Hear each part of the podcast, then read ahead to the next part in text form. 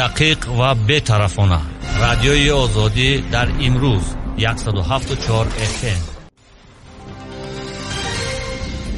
салом шунавандагони азиз. Садои моро аз радиои имрӯз мешунавед. Абдулло Ашӯров ҳастам бо тозатарин хабар ва гузоришҳои рӯз имрӯз 20 октябр ва соат дар душанбе 8 субҳ даҳҳо ҳазор нафар аз мардуми беларус дигарбора ба хиёбонҳои шаҳри минск рехтанд ва истеъфои александр лукашенкоро талаб карданд таҳдиди мақомот барои истифодаи аслиҳаи оташфишон ҳам монеи онҳо нашуд рӯзи панҷшанбе сардори раёсати мубориза бо ҷиноятҳои муташаккил ва ришвахорӣ дар беларус тазоҳургаронро бандитҳо номид ва гуфт ки албатта мо бар зидди онҳо аз аслиҳа аз ҷумла аслиҳаи оташфишон истифода мебарем хабаргузори интерфакс навишт ки дар тазоҳурот си ҳазор нафар ширкат варзиданд ба гуфтаи созмонҳои ҳомии ҳуқуқи весна بیشتر از 100 نفر دستگیر شدند. تظاهرات عمومی در بلاروس هفته هاست که ادامه دارد. بعد از انتخابات پرزیدنتی روز 9 آگوست این تظاهرات ها شروع شدند. مقامات انتظامی تاکنون بیشتر از 13 هزار نفر از جمله چند فعال مخالفان را که در کشور ماندند دستگیر کردند.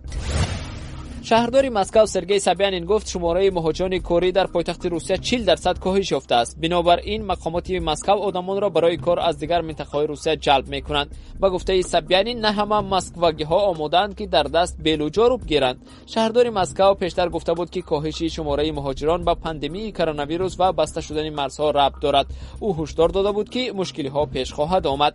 Москав дар фасли сармо гурӯҳҳои иловагиро барои корҳои дастӣ муваққатан ҷалб мекунад изҳор дошт ӯ شهرداری مسکو از نارسایی کارمندان در ساختمان‌های شهر نیز خبر داد. مرزها با کشورهای بسته شدند که ساختمان‌های مسکو را با نیروی کاری کافی تامین می‌کردند. متاسفانه بناکاران روس نمی‌توانند جای آنها را پر کنند. در حال حاضر در ساختمان‌های شهر ده ها هزار کارگر نمی‌رسد گفت سبیانین. در شهر الماتا ثابت سیرخان طراح و مؤلفی اسماعیلیک با عکس پرزیدنت نخستین قزاقستان نورسلطان نظربایف در نتیجه لتوکوب شدید جان باخت. در این باره دوستان طراح در شبکه های اجتماعی خبر دادند. او را از پای افزالهایش شناختیم نوشته است رپر بک بولات کیداروف در اینستاگرام. دپارتمنت پلیس الماتا روز دوشنبه خبر داد که در رابطه با کشتاری طراح برادر دوست دختر سیرخان دستگیر شده است. گمانبر هنگامی بازپرسی اعتراف کرده است که حریفش را به خاطر مناسبت های نامناسب توکوب کرد. با اطلاع پلیس کومونبر بازداشت و به حبس پیشکی گرفته شده است. یکی از کارهای معروفی سیرخان لگاتیبی چشمانی نظربایف استناد به نورسلطان نظربایف می باشد سیرخان را همچنان طراح برندی معروفی استریت ویر مینامند.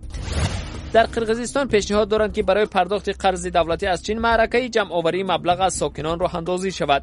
در این باره روز 18 اکتبر وکیل پارلمان قرقیزستان آینورا آلتیبویوا خبر داد. ما شرایط فراهم می آوریم که این روند شروع شده و ادامه پیدا کند. حالا چاربینی های آمادگی ادامه دارد. شرایط تاسیس صورت حساب بانکی حل شده است. بعد گفتگو با وزارت مالیه مسئله کشادن صورت حساب را حل می‌کنیم. روند جمع آوری مبلغ شفاف خواهد بود گفت آلتین بویوا ماه سپتامبر سال جاری вазири корҳои хориҷаи чин ван и ба қирғизистон омада буд вай бо президенти пешини қирғизистон сооронбой ҷейнбеков аз ҷумла дар мавзӯи тамдиди муҳлати баргардонии қарзҳои чин суҳбат кард ба иттилои расмии қарзи хориҷии қирғизистон 4 миллиарду 169 миллион долларро ташкил медиҳад аз ин миқдор 1 миллиарду 776 миллион доллар аз чин аст бобомурод абдуллоев рӯзноманигори ӯзбекистонӣ ки чанде пеш аз шаҳри бишкеки қирғизистон ба тошканд истирдод шуд аз номи президенти ӯзбекистон шавкат мирзиёев хонаи сеҳуҷрагӣ гирифт дар ин бора абдуллоев дар саҳифаи фейсбук рӯзи 8 октябр хабар дод бобомурод абдуллоевро ибтидои моҳи августи соли ҷорӣ дар шаҳри бишкеки қирғизистон боздошт ва рӯзи 22 август ба ӯзбекистон истирдод карданд вай рӯзи 22 август баъди бозпурсии 8 соата аз сӯи мақомоти ӯзбекистон дар шаҳри тошканд озод шуд мақомоти ӯзбекистон رسما خبر ندادند که عبدالله را در رابطه با کدام پرونده بازپرسی کردند. خود روزنامه‌نگار هنوز در شهر بشکک گفته بود که او را در نوشتن مقاله های ضد حکومتی با امضای مستعار قاره مرگن عیبدار می‌کنند. عبدالله این عیب را رد کرده بود. این روزنامه‌نگار در سال 2017 بار اول با گمان سرنگون ساختن ساخت کنستیتوسیونی ازبکستان بازداشت و ماه می سال 2018 آزاد شده بود.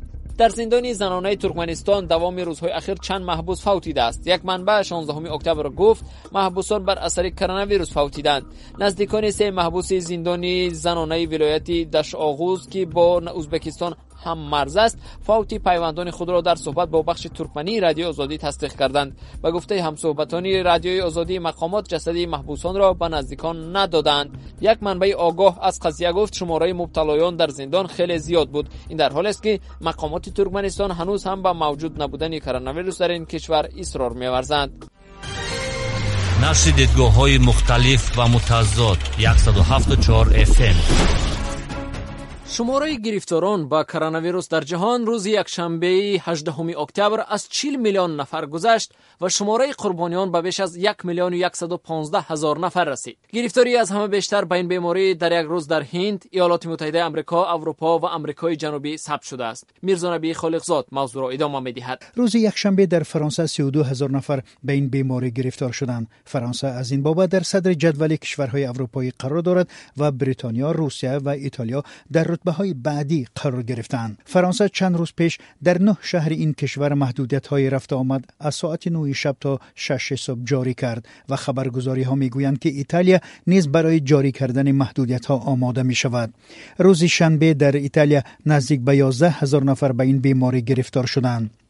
бархе кишварҳои аврупоӣ монанди русия италия фаронса ва испания дар баҳори соли ҷорӣ бо паҳншавии густурдаи коронавирус рӯбарӯ шуданд ва гирифторӣ ба ин беморӣ дар тобисон то андозе коҳиш ёфта буд аммо ҳоло бо оғози фасли тирамо гирифторӣ ба ин беморӣ дар ин кишварҳо афзоиш ёфтааст аз миёни 15 кишвари ҷаҳон ки шумораи гирифторон дар онҳо бештар аст нӯҳ кишвар аз аврупо мебошад токунун ҳудуди 7 миллион нафар дар аврупо ба коронавирус гирифтор شدند و بیش از 239 هزار نفر جان باختند روسیه در ماهای گذشته شماره گرفتاران روزانه را به زیر 5 هزار نفر کاهش داده بود. اما اکنون روزانه حدود 15 هزار نفر در روسیه به این بیماری گرفتار می شوند امریکا بیشترین قربانیان کرونا ویروس را در جهان دارد و تقریبا از پنج یک حصه گرفتاران و قربانیان جهان به این کشور راست می آید.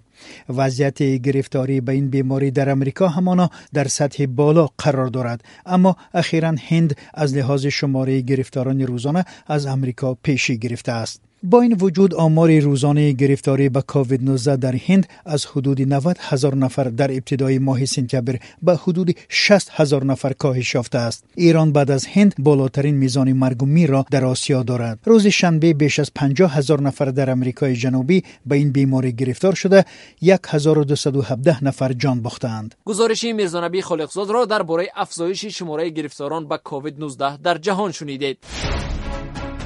диловари зуҳуриён оҳангсози тоҷик шаби гузашта дар пайи як садамаи нақлиётӣ ҷон бохт.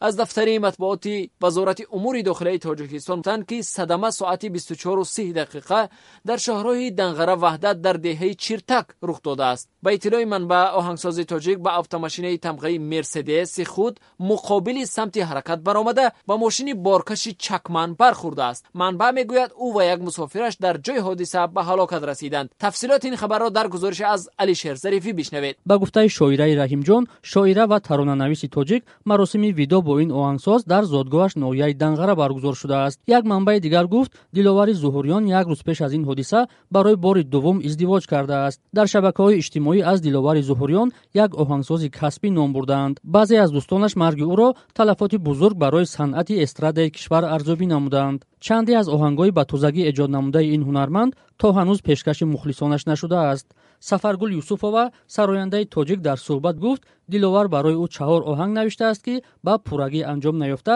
дастраси мардум нагардидааст баъзе огоҳони санъати тоҷик бар ин назаранд ки диловари зуҳурён бо фарқ аз оҳангсозони дигар виҷагиҳои худро дошт ва ҳунари ӯ барои ҳамеша дар қалби мухлисон мемонад қурбоналӣ абдуллоев сарояндаи дигари тоҷик дар суҳбат гуфт диловари зуҳурён бисёр ҷавони эҳсосотӣ ва ҳунарманди хуб буд соли дуҳазорум вақте ки ин одам дар саҳнаи калони фарҳанги тоҷик қадам монд ниҳоя як навоварию тозагӣ ҳамроҳш ворид кард.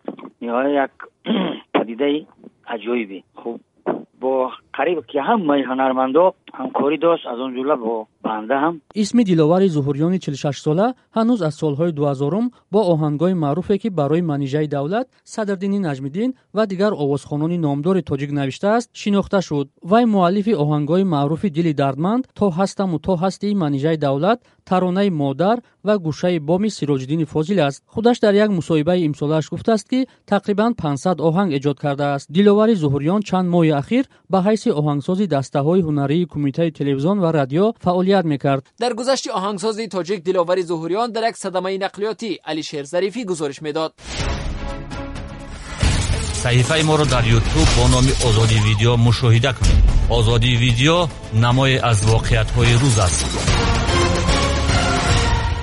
شما خبر و گزارش های رادیو آزادی را روی موج 174 اف ام در پیشنهاد من عبدالله اشرف شنیدید.